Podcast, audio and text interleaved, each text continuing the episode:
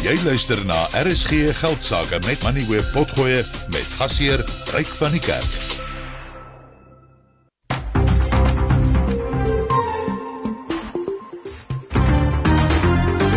Jy luister na RSG Geldsaake met Ryk van die Kerk, jou betroubare bron vir sake en beleggingsinsigte. Hierdie program word aan jou gebring deur Absa. Jy kan aanlyn na Absa skuif en 'n business evolve rekening oopmaak. Goeienaand en hartlik welkom by die program. Statistieke Suid-Afrika het vandag bittersoet inflasiesyfers bekend gemaak.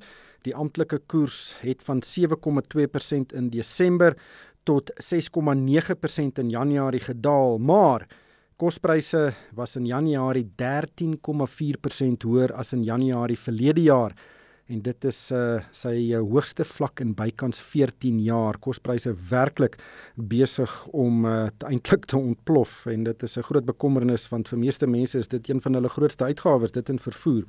En ek kan met Etienne Leroux van Rand Merchant Bank daaroor gesels. Dan DRD Gold is die groep wat goud uit ou mynhope herwin en dit het uitstekende resultate vir die 6 maande tot einde Desember vandag aangekondig. Nou die uitvoerende hoof Neil Pretorius het in die resultate dokumentasie werklik sy mond uitgespoel oor hoe die regering Suid-Afrika in die steek laat eh, vir alles dit kom by die deregulering en privatisering van kragopwekking. Hy het onder meer sy vinger gewys na sekere faksies binne die ANC en gesê dit is een van die kernprobleme wat groot gevolge vir ons ekonomie inhou. En ek kan met hom daaroor gesels en is interessant want uh, hy uh, is iemand wat nou werklik nou gesê het wat hy dink baie ander uitvoerende hoofde van groot maatskappye en ook uh, liggame soos die minerale raad het onlangs ook kritiek uitgespreek maar hulle het so siekies siekies uitgespreek. En ek gaan uh, met Neil daaroor gesels. Ons gaan nou kyk na Discovery Health wat 'n nuwe mediese versekeringsproduk deur Clicks gaan verkoop en dit volg nadat Dischem en TimeBank verlede jaar ook sulke produkte bekend gestel het en ek gaan met Dion Kotse van Discovery Health daaroor praat. En nou die Woensdae aande gesels ons oor die kriptobedryf en vanaand gesels ek met Marius Ryds oor hoekom die meeste kleiner kriptogeldeenhede nie die afgelope paar maande so goed presteer het soos Bitcoin Bitcoin en Ethereum nie. Maar kom ons kyk eers wat het vandag op die markte gebeur en die insetsel word geborg deur Finbond Mutual Bank. Kontak hulle op 0860 442211. Finbond Mutual Bank. Enko Kreer sit reg. Enko, oor na jou. Goeienaand. Ja, die JSE het vandag laer gesluit en met amper soveel soos wat die Amerikaanse beurse op die oomblik verhandel, die Dow Jones, die S&P 500 en die Nasdaq is op die oomblik elkeen 0,4% laer. Europa het mooi in die groen gesluit vandag. Die FTSE 100 en die DAX elkeen 0,6% stewiger en die CAC 40 was sommer 1,1% stewiger.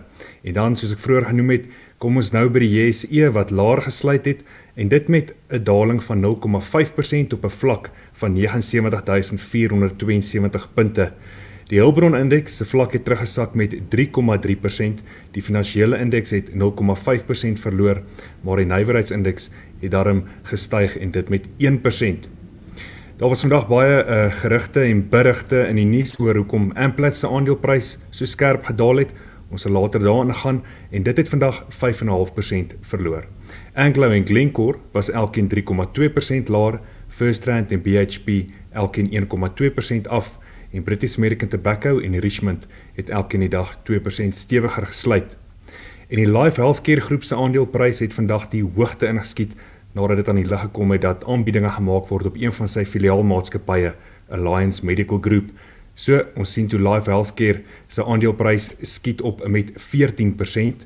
Netcare het vandag 4,6% gestyg, HCI 3,6% hoër en Spar, Bidwest, Vodacom asook Growthpoint wen vandag elkeen 2%.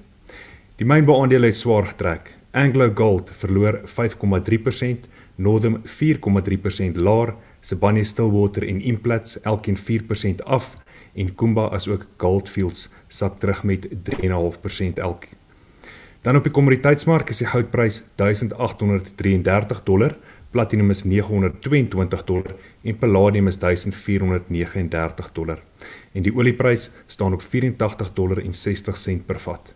En dit lyk my ons boer of dit lyk vir my die rand boer nou heeltyd sê dit gister bo 18 rand want dit verhandel tans teen 18 rand en 7 sent teenoor die dollar en dit is 'n verswakking vandag van 1,3% teenoor die dollar.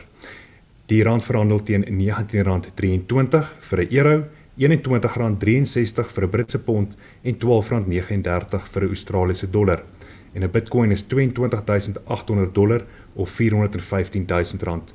En ten slotte, die plaaslike staatseffekte soos die R186 lewer 'n opbrengs van 8,46% en die R209 'n opbrengs van 11,14%. Enko baie dankie. Ja, Johan Gous is hoof van adviesdienste by Sasfin Wealth. Hy is saam met my in die ateljee.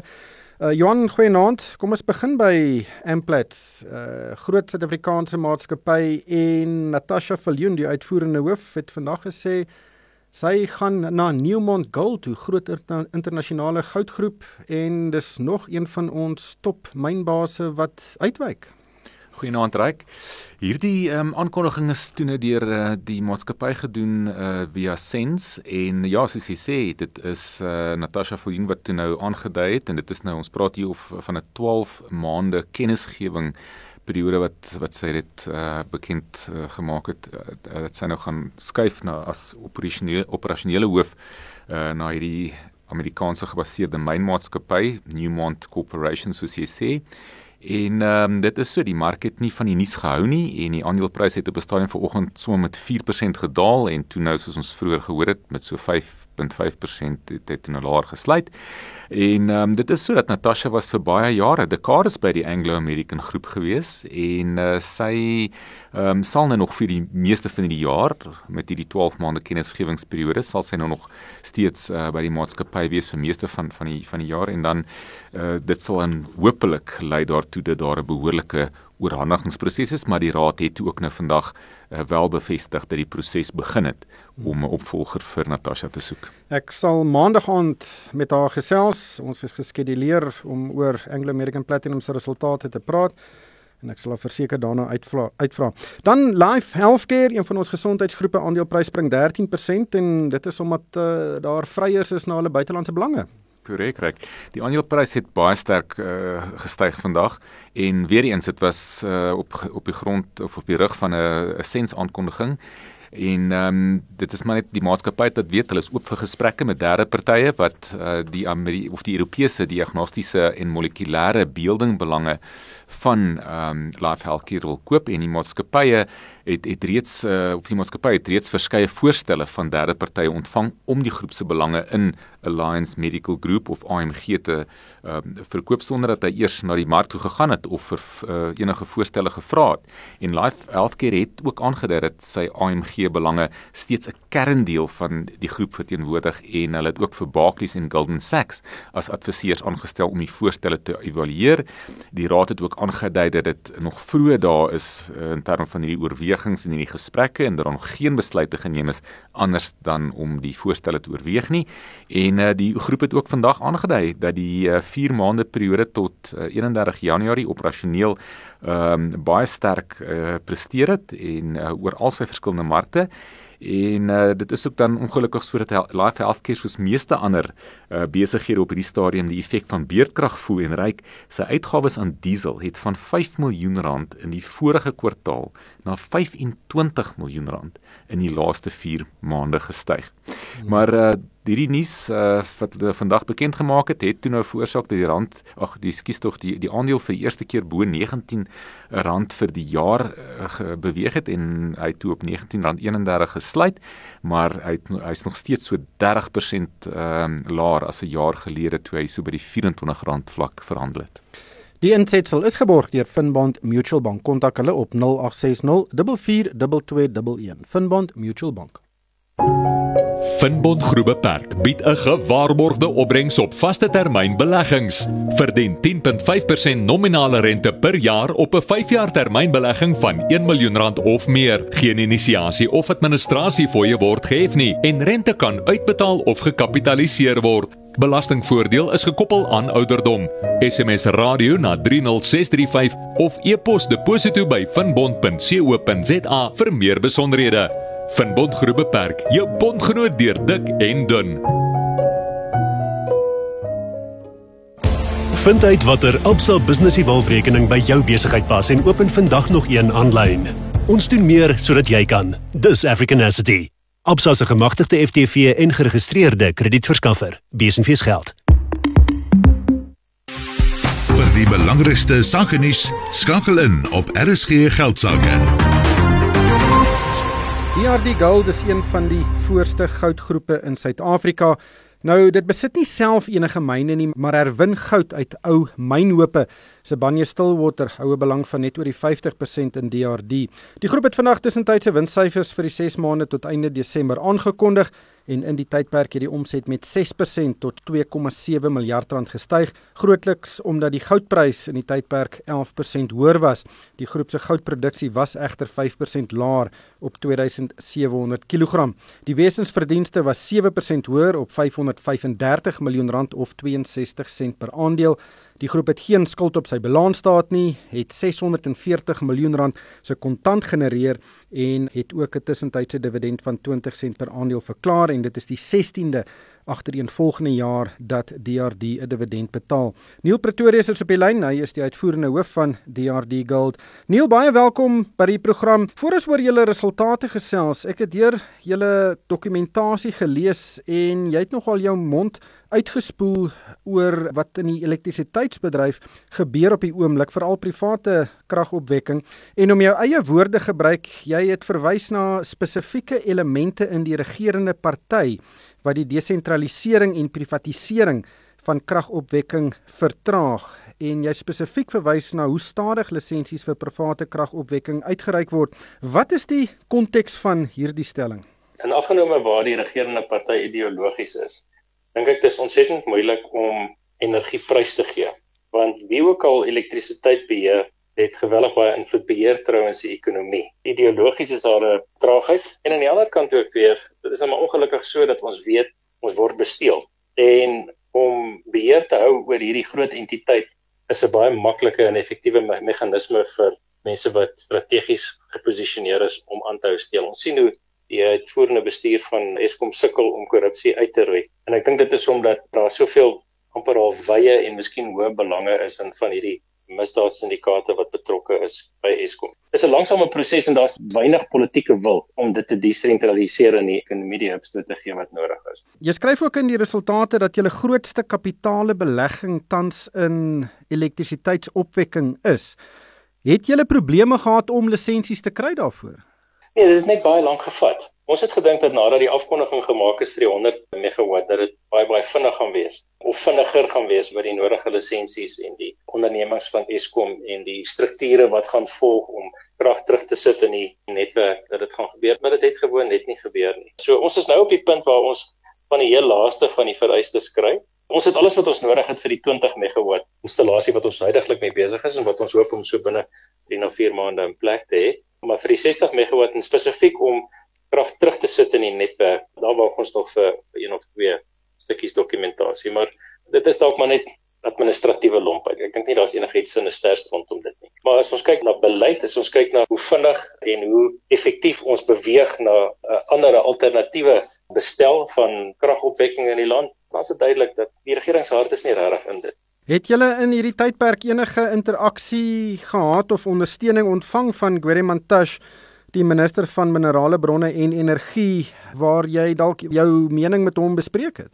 Nee, ek meen die administratiewe proses op die vlak waar ons is, daar is nie 'n platform vir interaksie nie wat die Minerals Council wel doen is om gereeld te skakel. En ek dink die onlangse vergadering daar sou getender geword het en daar sou lisensies uitgereik word. Ek dink die gebrek aan entoesiasme daar en die feit dat daar nie enkele een toegestaan is nie, is miskien aanduidend. Wat dit vir ons sê, is dat ons moet ons nie verlaat op 'n proses waar daar noodwendig ondersteuning gaan wees of waar daar fasilitering gaan wees om dit te bespoedig nie. Hierdie is 'n ding wat ons op ons eis gaan moet doen en dis 'n ding wat die private sektor toenemend op sy eis gaan moet doen. En ek dink nie ons moet wag nie. Ek dink ons moet regtig hard druk sodat soos en wanneer die politieke wurg greep op ontwikkeling wanneer dit aan 'n einde kom en dit is miskien nie heeltemal so ver in die toekoms wat dit aan 'n einde gaan kom nie. Ja, ek moet sê die minerale raad het onlangs ook kritiek uitgespreek, maar nie naaste by so aggressief soos wat jy dit nou gedoen het nie. Maar nog 'n interessante opmerking wat jy maak is dat DRD Gold homself nie gaan laat intimideer deur minibus taxi operateurs nie en dat hulle nie afgedreig gaan word nie. Ek het nog nooit gesien dat 'n groot maatskappy homself uitspreek oor hoe werkers by die werk kom en die omstandighede daarvan nie. Wat is die konteks van daardie opmerking? Ons beskou dit as belangrik as een van ons pligte teenoor ons werknemers om nie net 'n veilige werksomgewing te skep nie, maar dit ook moet ook vir hulle veilig wees om werk te kom. As mense nie veilig by die werk kan kom nie, as hulle blootgestel word aan kriminaliteit op pad werk toe, dan gaan dit moeiliker en moeiliker raak om mense te lok. Jy weet, ons sien dat groot geeste in die bedryf die land verlaat en dit is nie net hulle nie, daar's soveel jong talent wat die land verlaat as gevolg van die feit dat mense voel gevoel gewoon nie veilig nie en wat ons sien wat besig is om hom af te speel. Ek het gesê binne die konteks van die verval van Transnet is dat die infrastruktuur wat veronderstel is om daar te wees, is nie meer daar nie. Dit lyk nie asof dit herstel gaan word nie. En in die tussentyd, ons gaan lê klagtes wanneer 'n minibus wat byvoorbeeld werkers vervoer gekaap word en dan nou gehou word by hierdie taxi verenigings en waar gesê word ons gaan nie dit aan julle oorhandig alvorens julle ons nie 'n bedrag geld betaal nie. Dan gaan lê jy klagtes vir kaping en 'n verskeidenheid van klagtes. En dan as jy 'n week later by die polisiestasie kom dan is dit verwater die klagte na een van een of ander vorm van intimidasie. So so weer eens, dit is die groter politieke raamwerk wat veronderstel is om vir ons beskerming te gee en wat in versuim is van sy grondwetlike plig wat toelaat dat wetsgehoorsame landsburgers dat hulle oorgelewer word aan misdadigheid. So met ander woorde daar is 'n kultuur van misdadigheid. Ons infrastruktuur word geplunder. Die dienste wat veronderstel is om daar te wees, is nie daar nie as gevolg van die feit dat dit geplunder word beide deur kriminele wat gewoon goed gaan afsny en dit vat en ander kriminele wat korrupsie pleeg in samewerking met mense binne hierdie instellings En as jy vra, so wanneer gaan ons iets daaromtrent doen? Dan word daar nie 'n antwoord gegee nie. En dit is die tipe van ding waar ek dink die private sektor toenemend die vergrootglas oor hierdie goed gaan met wys en sê, julle wil ons met kapitaal belê. Ons betaal geweldig baie belasting. Ons het hierdie 6 maande het ons amper 'n kwart miljard rand se belasting betaal. En op 'n stadium sal ons graag wil sien dat daar waarde toevoeging is, dat die omstandighede waaronder ons mense werk toe en terug beweeg, dat die omstandighede waaronder hulle werk, dat die omstandighede waaronder hulle bly, lyk ten minste net asof jy bekommerd is en dat jy iets omtrent dit gaan doen, maar dit word gewoon nie gedoen nie. En dit is nonsens, reg? Ons is 'n grondwetlike demokrasie en daar is 'n plig op die staat om dit te doen. En op 'n of ander stadium gaan dit gedoen word. Die probleem is dat wanneer jy aangestel word in 'n pos, is dit nie omdat jy bekwame is of bevoeg is vir die pos nie. Dis 'n beloning omdat jy in een of ander struktuur iemand anders ondersteun het en dit is nou jou beloning. Die laaste ding waaraan jy belangstel is om 'n verskil te maak aan die lewensgehalte van Suid-Afrikaners. Hoe groot is die risiko wat hierdie dinge wat jy nou uitgelig het inhou vir DRD Gold se besigheid en seker per definisie vir enige private sektor besigheid in die land?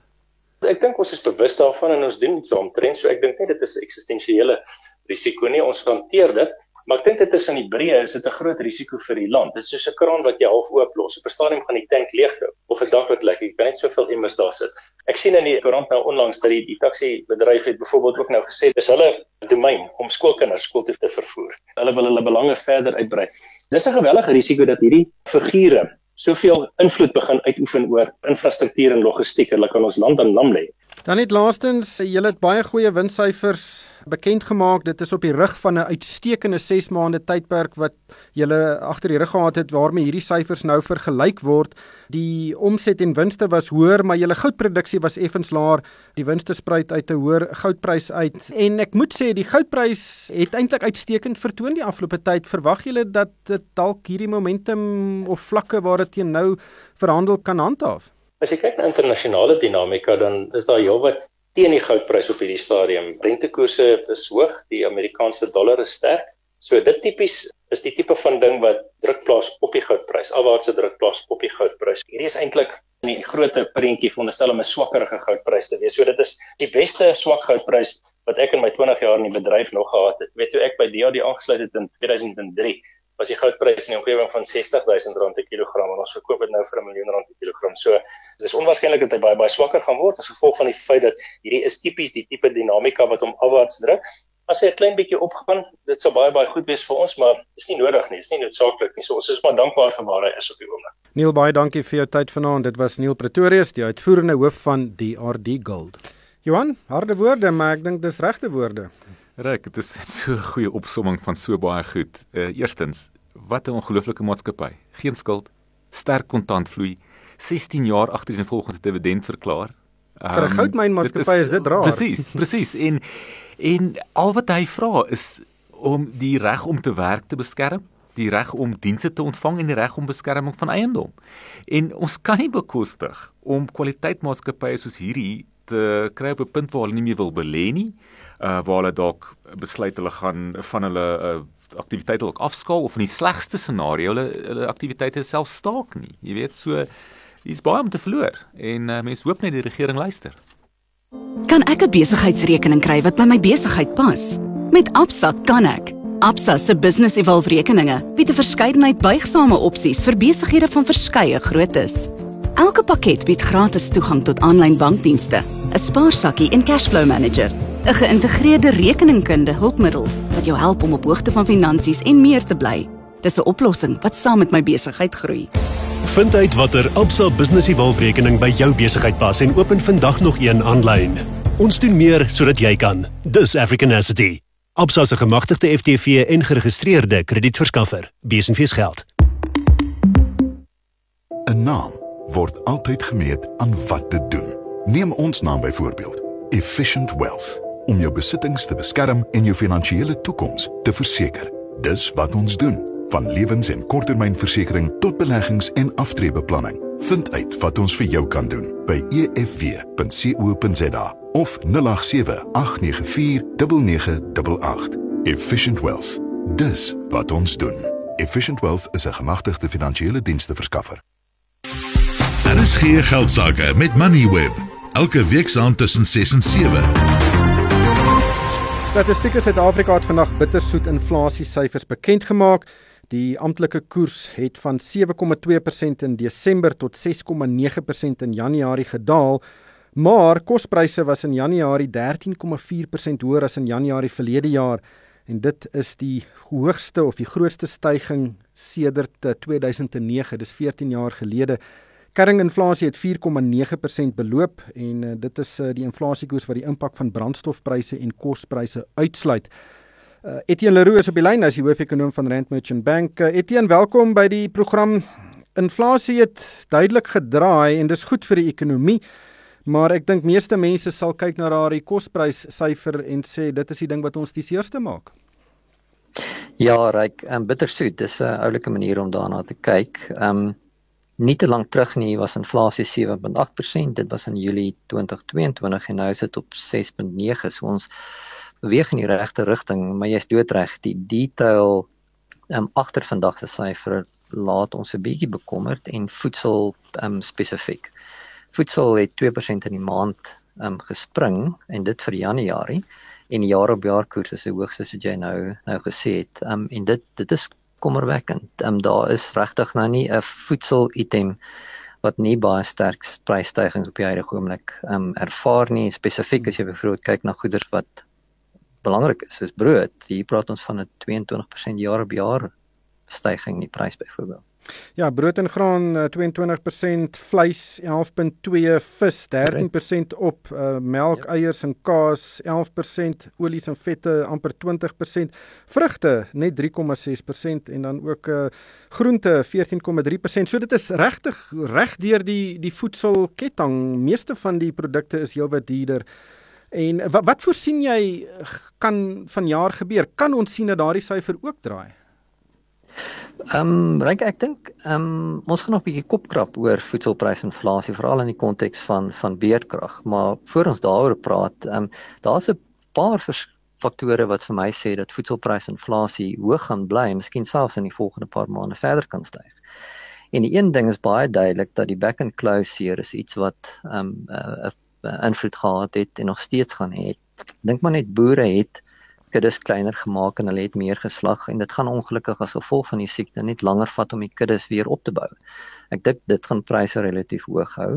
Ehm um, dis een faktor. Ehm um, weet die reën is goed vir my tuin, maar die reën is nie goed vir boere nie, veral vrugte en en groenteboere en die vloede en die skade wat dit veroorsaak um, aan aan aan aan produksie. Ehm um, dink ek gaan ook byvoorbeeld um, iets wees wat pryse ehm um, gaan hoog hou veral wanneer dit kom by daai twee ehm um, komponente uh, of items en dan moet hy ook dink ehm um, soos ek gesê het, ehm um, die invloed van beerdkrag op op voedselprysinflasie. Ehm um, so daar's 'n verskeidenheid faktore wat my nogal bekommerd maak oor oor hierdie bepaalde item. En en dan ehm um, weet vir hooflyn inflasie in die breë gesien want dit is 'n item wat 'n 15% gewig het in die VPI mandjie. Ehm um, en as voedselprysinflasie hoog gaan bly, dan gaan dit definitief hooflyn inflasie hoër as wat dit andersins moet wees. Nou ons uh, ek kan 'n mens sê inflasie in Suid-Afrika is onder beheer want dit gaan in 'n mate ook 'n impak hê op rentekoerse. Hoe, hoe dink jy inflasie is onder beheer, miskien uitgesluit die die voedselpryse en en dink jy hierdie dalings wat ons nou die afgelope paar maande gesien het kan meebring dat rentekoerse dalk stadiger styg of uh, minder styg? Wel, ehm um, is inflasie onder beheer? Ehm um, ehm um, die kort antwoord sal wees ja, as jy natuurlik voedsel en petrol byvoorbeeld uitsluit. Jy het vroeër genoem van kerninflasie wat 4.9% is en um, dit bly rondom hierdie vlakke vir die laaste maand um, of 2 maande. So dit is daarom heelwat laer as die as die hooflyn inflasie. Ehm um, en dit is 'n refleksie van 'n ekonomie wat baie pap is ryk. Ek bedoel binnelandse vraag ehm um, is is relatief pap. Um, ons weet van verbruikers wat finansiëel swaar trek. Ehm um, hulle koop nie goedere en dienste teen dieselfde tempo as as in die verlede nie. So die 4.9% is 'n refleksie van 'n baie pap ekonomie en baie swak binnelandse vraag. So, ehm um, as die Reserwebank gefokus is op daai ehm um, tydreeks, um, en ek dink hulle hou dit baie fyn dop, dan is daar nie vir my um, rede byvoorbeeld tot kommer dat die sentrale bank nou rentekoers moet opsit verder nie. Um, ek of heel wat verder gaan opsit nie. Ons dink koerse kan nog 'n bietjie opgaan, maar ons is baie naby aan die um, aan die draaipunt veral as jy dink met hoeveel rentekoers al reeds opgegaan het en dat daar 'n lang sluering is tussen die tyd wanneer rentekoerse opgaan en die tyd wat dit vat um, om om om die vir die medisyne om te werk. So so ek dink nie um, ons moet um, ons blind staar aan um, die die detail in vandag se inflasie data nie. Kyk maar eerder na die kerninflasie wat wat redelik um, onder beheer bly. Ehm um, en die feit dat rentekoerse al reeds baie opgegaan het en dat dit nog um, moet uitwerk in die ekonomie. So ja, um, ja, ek ek sal dit in gedagte hou. Etienne, dankie vir jou tyd vanaand. Dit was Etienne Leroux, hy is die hoofekonoom van Rand Merchant Bank. Johan, jy het jou kop instemmend geknik. Ja, Ryk, ek dink ek stem saam met uh, Etienne dat as ons kyk na wat nou hier aangekondig is met hierdie um, inflasiesyfers, die kans is baie goed is dat die Reserwebank reeds naby indien nie by die boonste draaipunt van hierdie rentekoersverhogingssiklus is nie. En dit is baie goed geweest om te sien kerninflasie onveranderd op 4.9% um, en dan die enigste ding wat my plaas nog steeds ja, die die brandstofpryse het nou 'n bietjie begin afkom en so en my weet baie maatskappye het daai hoër brandstofpryse in hulle pryse ingewerk en dit beteken noodwendig hulle gaan daai pryse afbring nie al is die brandstof uh, in sy koste besig om te daal en dit het nog steeds daai tweede ronde effek wat huishoudings voel. In 'n wêreld waar jou vervaardigingsbesigheid buitengewoon moet wees, wil jy nie ook 'n bank hê wat groter dink nie? Ons spankundiges verstaan die nuances van die bedryf al te goed en daarom kan ons pasgemaakte oplossings vir jou besigheid bied. Wil jy net nog 'n finansiële vennoot hê of een wat met jou toekomsverwagtinge in die vervaardigingsbedryf kan help? Dink groter, dink Nedbank Kommersiële Bank Sake. Vir meer inligting, besoek Nedbank Manufacturing. See money differently. Nedbank. Ons is 'n gelisensieerde FDV en geregistreerde kredietverskaffer. Vind uit watter Absa Business Evolve-rekening by jou besigheid pas en open vandag nog een aanlyn. Ons doen meer sodat jy kan. Dis African Asset. Absa se gemagtigde FTV en geregistreerde kredietverskaffer. Besenfees geld. Daar is geen geldsaake met Moneyweb, jou betroubare bron vir sakke en beleggingsinsigte.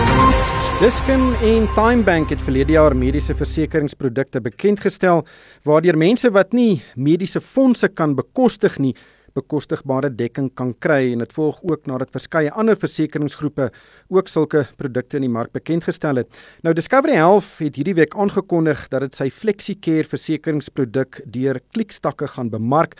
Nou Discovery het reeds hierdie produk in 2018 bekend gestel, maar dit was net beskik beskikbaar aan maatskappye wat mediese dekking aan hulle werknemers wou bied. En uh dit is uh, belangrik om te besef dat hierdie mediese versekeringsprodukte nie mediese fondse is nie. Dit dek nie alle behandeling en siekte toestande nie en uh hierdie produkte verskil ook drasties van mekaar. Nou die produk is ook daarop gemik om wins te maak um, en dit is uh, ook anders as mediese fondse wat nie op winsbejag uit is nie. Dion Kotse is op die lyn. Hy is van Discovery Health. Dion, baie welkom by die program. Mediese versekerings is nogal 'n mededingende mark. Uh hoe hoekom stel julle nou eers hierdie FlexiCare produk aan die breë publiek uh beskikbaar? Uh, Goeienaand Ryk, ja, dankie vir die geleentheid. Ehm um, ja, soos soos dit jy genoem het, um, is die produk sedert 2018 beskikbaar. Dis eind, is eintlik reeds sedert 2018 beskikbaar aan individue, maar die bemarking is in die is is hoofsaaklik gewees aan aan werkgewers en spesifiek werkgewers wat werknemers het wat ehm um, nie kan bekostig om by mediese fondse mediese fondse aan te sluit nie. So van die ongeveer 100 000 werknemers wat tans gedek word deur die produk is dis um, van die 100 000 mense wat tans gedek word deur die produk is die oorgrootste meerderheid werknemers van werkgewers. Hmm. Ehm um, die besluit was was eintlik meestal daarop gerig dat ehm um, ons ehm um, saam met Clicks en Auto in general dit wil uitbrei na die na die breër publiek toe. Ehm um, en ook vir die geleentheid wat dit bied. Ons raam daarsomtrent 8 miljoen mense ehm um, wat ehm um, in wat 'n wat 'n inkomste verdien, ehm um, wat 'n inkomste verdien en kan bekostig om die produk om die produk te koop, maar hulle werkgewers bied dit nie noodwendig aan nie en ons dink dit is belangrik om aan hulle die geleentheid te bied. Kyk, mediese fonds opsies is gewoonlik baie duur. Uh, relatief min mense kan dit bekostig en daardie uh, mediese fonds produkte of uh, styg ook uh, met gewoonlik met uh, meer as wat 'n mens sou wou hê. Maar hoe gewild is hierdie versekeringsprodukte? Hulle is heelwat goedkoper, maar hulle bied ook minder voordele, maar uh, is dit gewild in die mark? Uh, is daar 'n regte vraag daarna?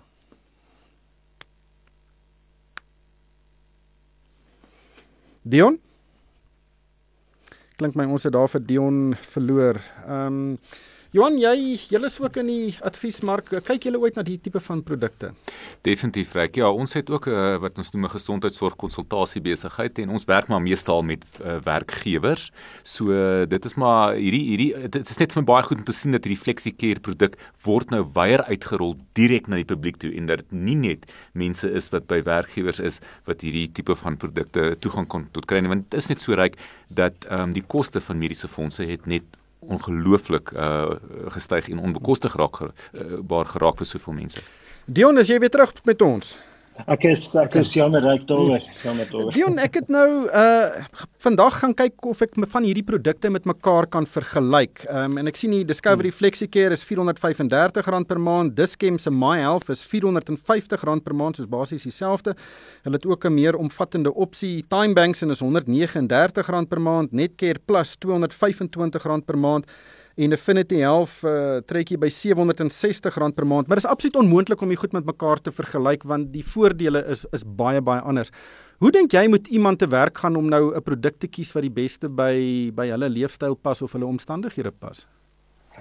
Ehm um, ek dink die e, die uitgangspunt behoort te wees dat 'n mens met besluit of soek jy die omvattende dekking wat dit met 'n mediese fonds bied en kan jy dit bekostig natuurlik want ehm um, soos dit jy genoem het ook uh, mediese fondse het voorgeskrewe minimum voordele wat almal moet moet verskaf. Ehm um, en dan kan mediese fondsverskaffers kan dan ekstra voordele bo op daardie voorgeskrewe minimum voordele sit. En dan onder andere in daai voorgeskrewe minimum voordele is hospitaalvoordele en dan voordele vir sekere gevreesde siektes. Dis natuurlik katastrofies finansiëel as 'n mens nie dekking daarvoor het nie want baie keer sal die daai behandeling, die koste van daardie behandeling nie uit weet uit iemand die gewone man op straat se sak noodwendig gedek kan word nie. Um, maar as 'n mens dan nou nie in daar nie nie daardie tipe produk kan bekostig nie of nie die die behoefte het aan daardie produk nie, kan 'n mens kyk dan na die versekeringsprodukte. Die versekeringsprodukte fokus meestal op dag tot dag gesondheidsorg en spesifiek natuurlik in die privaat sektor en meeste het ehm um, het in gemeen dat dit ehm um, besoeke aan 'n algemene praktisyn sal dek. En dan dan kom maar sekere voordele dan nou dan nou by bo op dit. So die mees die mees beperktes, dis wat dan nou 'n laer premie is, sal natuurlik dan nou die die die besoeke aan die algemene praktisyn dek en dan die meer omvattende sal dan bysit voordele vir medisyne, tandsorg, oogsorg, ekstrale bloedtoetse en en dis meer. En dan die daar is van die produkte wat dan die opsie ook bied, soos wat ons FlexiCare produk bied om addisionele dekking uit te neem vir die behandeling van noodgevalle in 'n um, in 'n privaat hospitaal. Ja, ek het uh, self vandag gaan kyk. Ek dink die voordele wat jy kry is is wesentlik vir eintlik 'n relatiewe lae bedrag. Uh, en veral as jy dit nie uh, as jy nie 'n mediese fonds kan bekostig nie, ek dink dit is uh, dalk 'n produk uh, eintlik enige van hierdie versekeringsprodukte om te oorweeg uh, want uh, dit gee vir jou dan toegang tot 'n uh, groot deel van die dienste wat mense in die privaat mediese sektor kan kry. Maar Dion baie dankie vir jou tyd vanaand. Dit was Dion Kotse, hy is van Discovery Health. Besoek RSG Geldsaake se Facebookblad en kom ons gesels. Dink verder as tradisionele banksaake. Stel jou 'n bankvernoot voor wat omvattende finansiële insig kan bied. Dink groter, dink Nedbank kommersiële banksaake. Daar is die afgelope paar weke gereeld gesels dat die Suid-Afrikaanse landbousektor moet staal vir die El Niño verskynsel. Nou hierdie verskynsel bring mee dat temperature in Suid-Afrika styg en reënval verminder en dit kan dan tot erge wydverspreide droogtes lei. Dit natuurlik sal 'n impak op voedselsekerheid hê. Kobus de Bruin is op die lyn, hy's hoof van Netbank se afdeling vir landboukliënte waardeproposisie. Kobus, welkom by die program. Wat is die kans dat ons hier in Suid-Afrika in 2023 deur die El Niño verskynsel getref kan word? La Nina verskynsel is waar jou see temperature in die Stille Oseaan gemiddeld koeler is, gewoonlik onder 0 grade Celsius. En El Niño verskynsel is waar jou see temperatuur in die Stille Oseaan natuurlik toeneem. Die verskynsel wissel gewoonlik so elke 2 jaar en ek dink die afgelope paar jaar was ons eintlik regtig gelukkig geweest om 'n La Niña te beleef wat amper 3 jaar aangehou het. So dit is nogal 'n nuwe verskynsel. Nou die huidige La Niña verwag hou sal so stelselmatig verlaag in die volgende paar maande en so vanaf September, Oktober, November kan ons verwag dat die El Niño verskynsel se kans so plus minus 60% sal wees. So op die stadium is die aanduiding ook dat die El Niño moontlik kan oorvloei na 2024 se somerseisoen. Watter areas in Suid-Afrika word gewoonlik die ergste geraak? Gewoonlik met 'n droogte of met 'n El Niño word sekere gedeele van die land geraak net soos wat ons nou gesien het met die La Nina, in sekere gedeele van die land word amper weggespoel en dan in sekere gedeeltes in die land bly dit droog. Ek dink die gebiede wat afhanklik is van reënwater gaan definitief meer beïnvloed word en dan ook die gebiede wat ten spyte van die goeie reën en die La Nina verskynsel wat ons gehad het, nie voldoende reën gekry het nie, die damme is nie voldoende gevul nie. Daai gebiede sou jy waarskynlik eers geraak word met die El Nino verskynsel. Maar jong, ons landboubedryf was 'n steunpilaar vir ons ekonomie die afgelope paar jaar, maar daar's baie winde wat teen hierdie sektor waai. Beerdkrag, hoë insetkoste, probleme in die waardeketTINGS So 'n El Niño verskynsel is werklik nie goeie nuus nie. Dis sekerlik nie wat die bedryf nou wil hoor nie. El Niño is natuurlik nie net slegte nuus nie. As jy gaan kyk La Niña verskynsel gaan gepaard gewoonlik met baie reën, baie verspoeling en baie skades. Maar aan die ander kant dit maak ons damme vol en dit vul die watertafels. As jy gaan kyk na El Niño, dit bring ongelukkig uh, minder reën, hoër temperature en meer kanse vir veldbrande. So jy kan amper nie sê die een is beter of slegter as die ander een nie. Beide bring die goed en die kwaad. Die belangrikste is om bewus te wees van 'n moontlike El Niño en dit te kan bestuur. Wat wel belangrik is, is die feit dat klimaat wel verander. Die El Niño veroorsaak hoër temperature, maar die bekommernis is die uitermate hoë temperature wat die gemiddelde temperature met meer as 1.5 grade Celsius kan laat styg. Nou dit is baie nadelig. In 2015, 2016 het plus minus 194 lande die Parys-ooreenkoms gesluit waar dit die doel is om die gemiddelde verhoging in wêreldtemperature onder 1.5 grade Celsius te hou. Nou Suid-Afrika het ook die ooreenkoms geteken by die COP21. Die bekommernis is groot dat die gemiddelde verhoging van 1.5 grade Celsius oorskry kan word en die oorskryding of die gemiddelde verhoging bo 1.5 grade Celsius, die impak is eintlik baie groter as net 'n gewone El Niño. Indien die El Niño versterk bo 60%, kan dit die landbousektor onder nog meer druk plaas. As dit nie droog is, kan ons dit bestuur. Die landbou is ervare met droogte en droër tye, maar nou sit ons met omstandighede waaronder beerkrag gebuk gaan. Ons kan nie behoorlik besproei nie. Die druk op watergebruik gaan toeneem en hoor as normale temperature rig regtig groot skade aan. Kobus kan boere en besighede in die landbouwaardeketting iets proaktiefs doen om die impak te versag. Verseker, ek dink mense moet besef Suid-Afrika se land met lae reënval. Die baie reënval wat ons die afgelope paar jaar gekry het, is eintlik uitsonderlik. Ons is eintlik bekend vir 'n land met lae reënval. Die landbou en die landbouers is natuurlik ervare, hulle weet wat om te doen in droogte tydperke en hulle weet hoe om dit te hanteer en wat moet gedoen word. Belangrik sou ek sê is om natuurlik bewus te wees en voor te berei op 'n droër seisoen. Hou jou finansies dop, spaar water so ver as moontlik en belangrik is investeer in tegnologie vir water en hernubare energie om seker te maak dat jy die risiko's wat water en elektrisiteit behels kan aanspreek. Ek sou ook sê hou jou finansiëerder op hoogte, doen jou kontantvloei behoorlik en pas jou kontantvloei begroting aan. As jou omstandighede verander, praat met jou bank Kobus baie dankie vir jou tyd vanaand. Dit was Kobus de Bruin, hy's hoof van Netbank se afdeling vir landboukliënte waardeproposisie. Die program is aangebied deur Nedbank Kommersiële Banksaake. Die vennoot wat groter dink sodat jou besigheid kan groei. Vir meer inligting, besoek nedbank.co.za. Dink meer as besigheidsbeplanners. Dink toekomsskeppers. Dink vindingryke oplossings saam met omvattende kennis van jou besigheid. Dink meer as 'n bank Dink groeivennote. Dink 'n span gespesialiseerde kenners wat jou help om vinnige finansiële besluite te neem. Dink meer as 'n bankvennoot, dink bedryfskenners. Dink 'n strategiese vennootskap wat broodnodige advies gee. Dink groter vir jou besigheid. Dink Nedbank Kommersiële Banksaake. Vir meer inligting, besoek nedbank.co.za. See money differently. Nedbank Ons is 'n gelisensieerde FDV en geregistreerde kredietverskaffer. Is geen geld sake met Moneyweb. Elke week saam tussen 6 en 7. Dis Woensdag aand en dit beteken ons gesels oor ontwikkelings in die kriptowêreld met Marius Reitz van Lunou en hy is op sy pos vanaand. Marius, baie welkom by die program.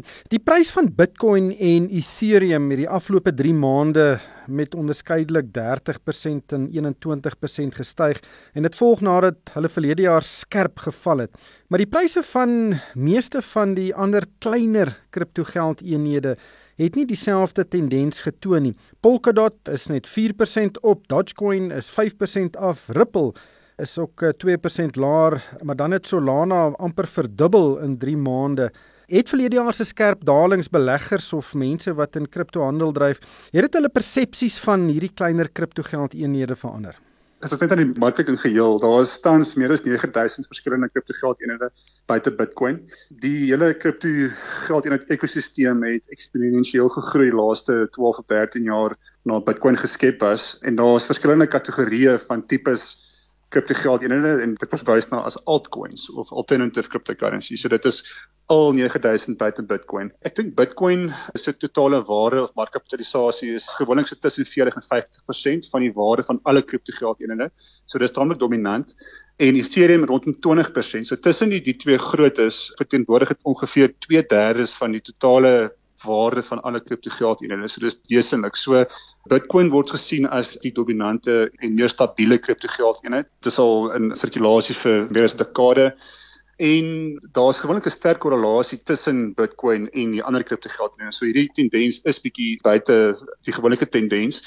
Ons sien gewoonlik dat wanneer Bitcoin se prys styg, dat altcoins ook opwaarts neig. Die rede vir dit is baie altcoins word geprys in Bitcoin. Dit is nie altyd nodig vir spekulante beleggers om altcoins byvoorbeeld Solana te kan koop met fiat geld nie. Die mark is nog nie so gesofistikeerd nie en baie ander redes. So hoe dit werk is beleggers koop eers Bitcoin en dan met Bitcoin kry hulle dan toegang tot verskillende altcoins. So hierdie dinamika is interessant. Dit is die hoofrede hoekom daar gewoonlik taamlik 'n sterk korrelasie is tussen Bitcoin en die meeste ander kriptogeldeenhede. Ek dink wat ons die laaste paar maande gesien het wel is dat die FTX insinking het 'n impak gehad op verskeie altcoins, byvoorbeeld Solana Daar was 'n verbintenis gewees tussen FTX en Solana in terme van befondsing en die FTX insinking het toe 'n baie groot negatiewe impak gehad op die prys van Solana. En ek dink na mate dinge gekalmeer het en daar meer duidelikheid is en Bitcoin ook begin herstel het, het Solana se prys weer opgetel. Hmm. Gewoonlik is die korrelasie taamlik sterk, maar met verskillende altcoins is daar ook verskillende omstandighede en ek dink ons het gesien by Solana.